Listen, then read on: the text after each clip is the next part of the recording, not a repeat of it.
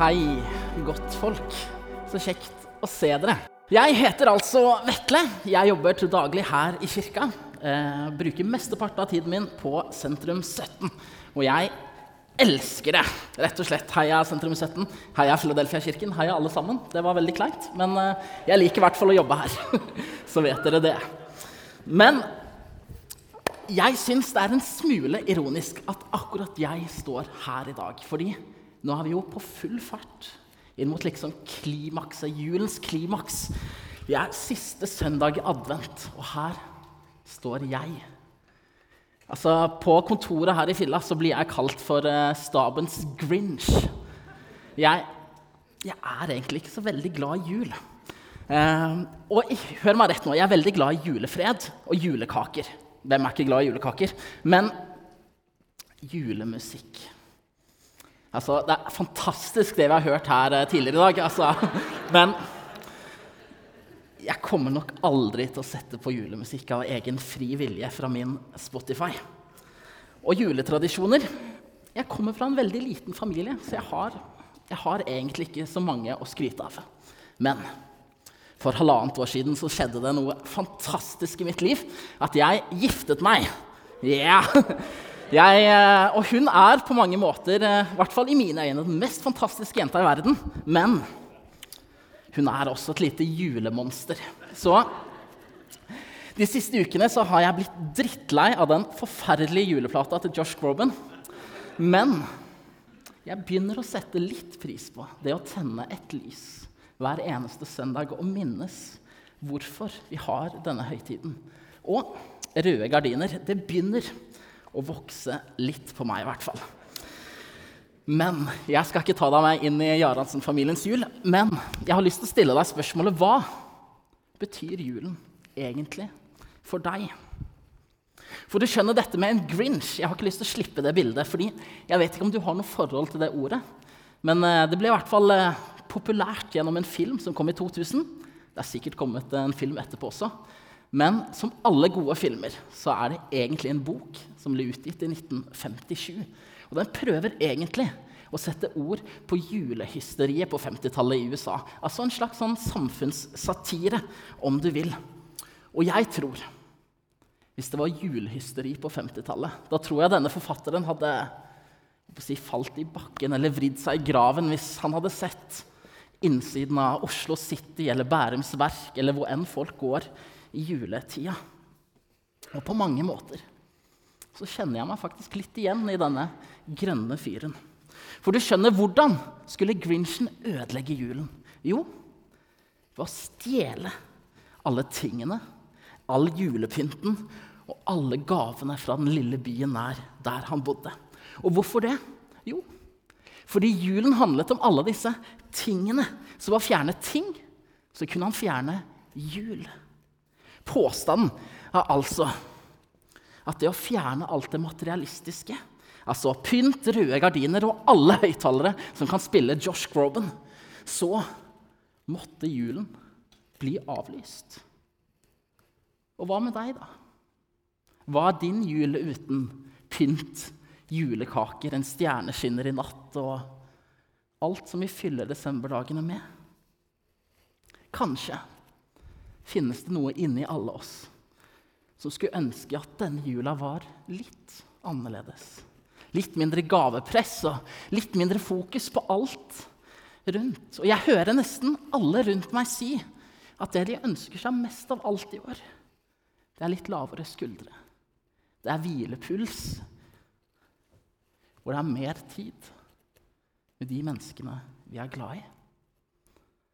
Men dere, juletiden den er ikke først og fremst en feiring for kjernefamilier og lykkelige mennesker.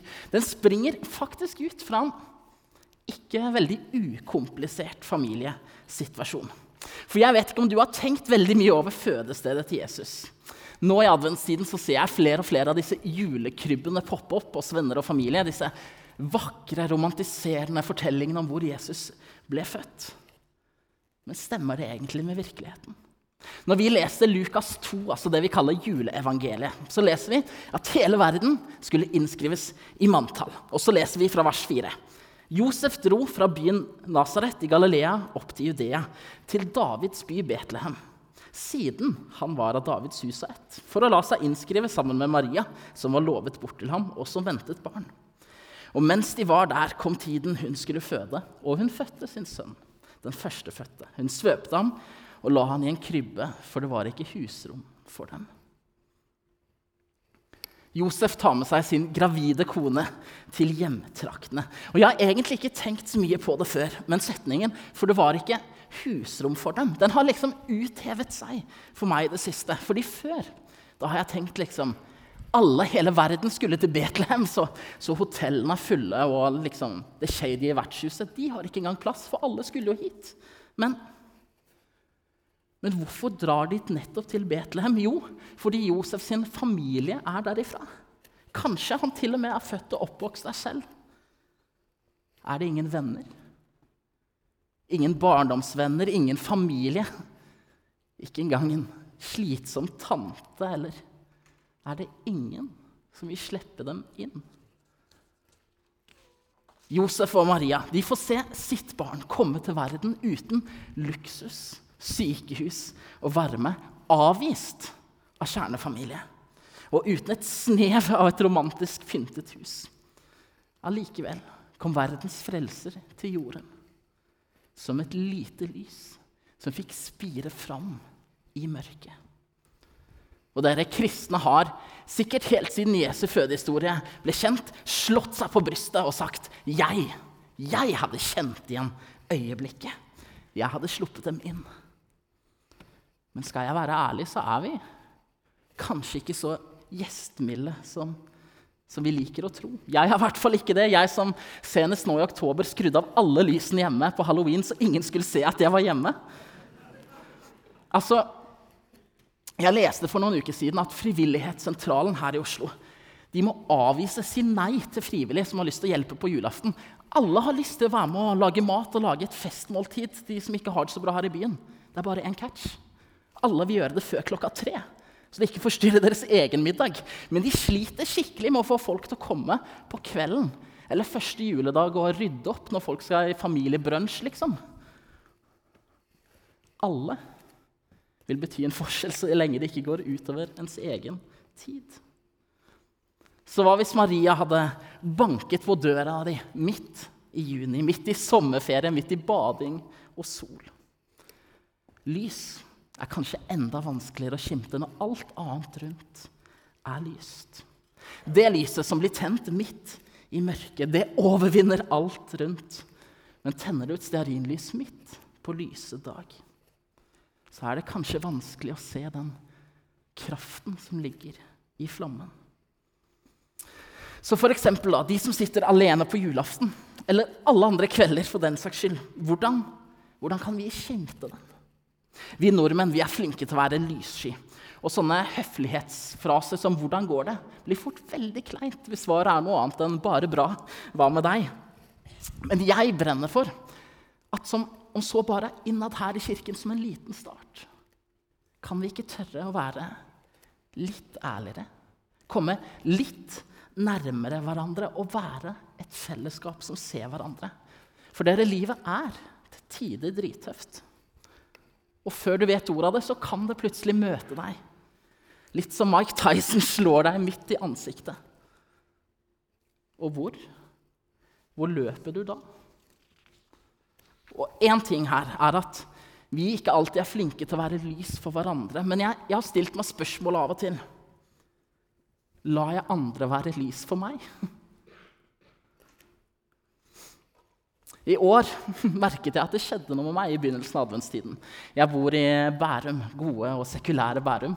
Men første helgen i advent så begynte én etter én etter én leilighet opp rundt å, å lyse opp med julestjerne, julelys, juleditt og juledatt. Og, og jeg ble faktisk litt rørt.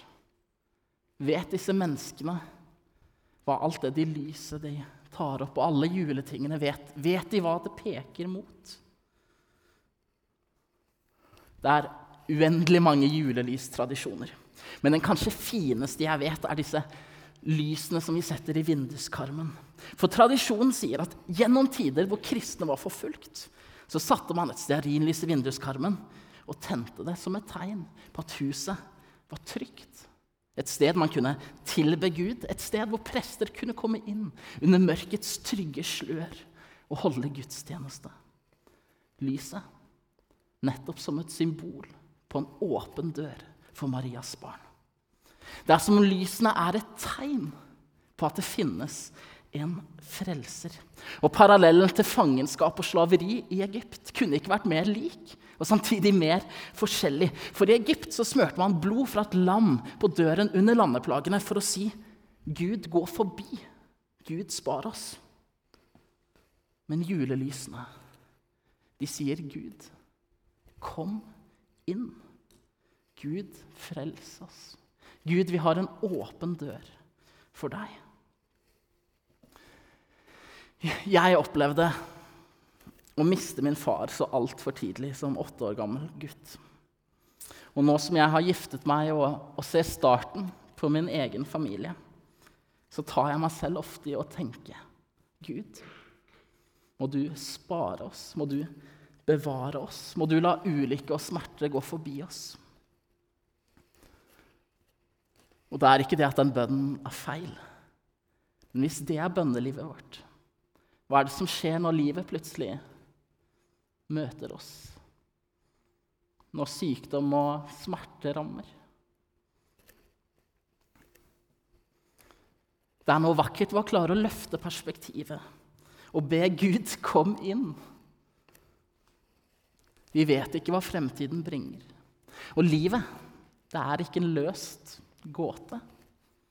Men vi ønsker å bli ledet og la verdens lys lede oss, samme hva vi måtte møte. Og dette er ikke lett. Jeg sier det ikke som tom teologi, men jeg sier det virkelig med livets smerte i bagasjen. Og det er kanskje her vi nettopp finner julelysenes nøkkelrolle. Å minne oss om det kristne håpet, om evigheten der fremme.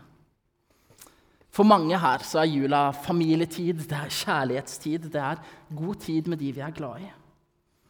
Men for mange av oss så er disse varme lysene også forbundet med det å legge ned en krans og tenne et minneslys for de vi har mistet. En stille bønn, et stille sukk og et savn som ikke kan leges, selv med tidens hjelp. Lysets symbol som håp kan kanskje forenes på samme måte som lyset i vinduskarmen. Jesus, kom inn og ta del i sorgen og fyll meg med håp for morgendagen, inn i evigheten. Lyset dere, det er ikke en metafor som vi har kommet på fordi vi syns den passer så bra. Jesus selv sa så berømt.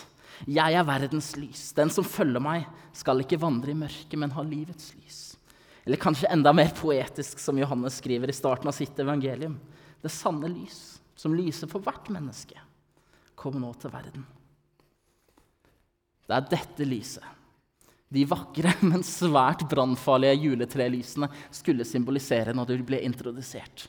Men før brukte man jo levende lys, så det gikk faktisk så langt at forsikringsselskap sa at de nektet å dekke skader som ble påført av brann på juletrelysere. Så takk Gud for elektrisitet. Men Jesus som verdens lys. Det er et utrolig konkret bilde. Det er noe som vi i hvert fall til en viss grad klarer å gripe litt. Det lille barnet i krybben, trøst i sorg, håp for morgendagen. Det er gode ting. Men jeg har lyst til å utfordre deg litt inn i juletida som ligger foran. I Matteus 5 så leser vi dere er verdens lys. En by som ligger på et fjell, kan ikke skjules. Heller ikke tenne noen et lys og sette det under et kar, men i lysestaken. Da lyser det for alle som er i huset. Slik skal dere la lyset deres skinne for menneskene, så de kan se de gode gjerningene dere gjør, og prise Far i himmelen.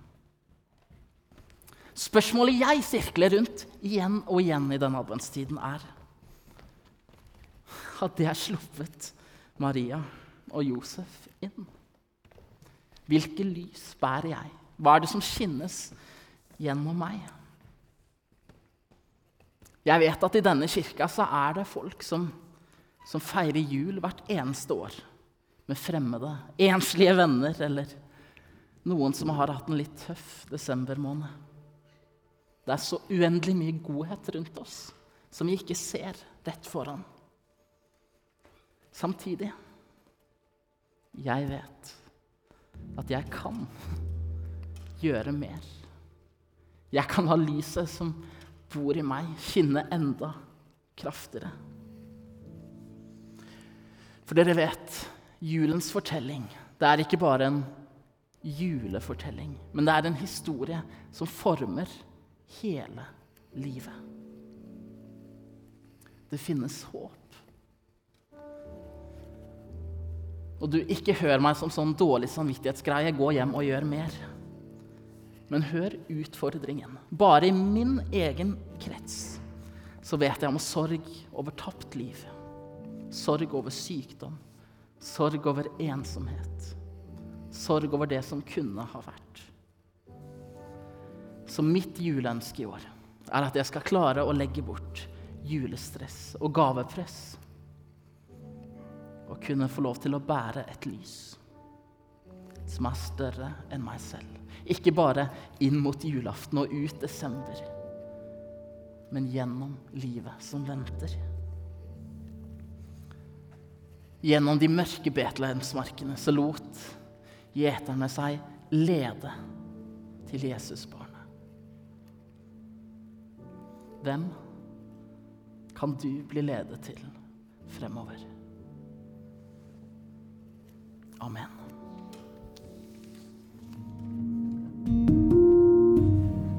Du har nå hørt en podkast fra Filadelfia-kirken i Oslo. Vil du vite mer om oss, gå inn på filadelfia.no. Og ikke minst velkommen til å feire gudstjenester med oss hver eneste søndag, enten fysisk eller online.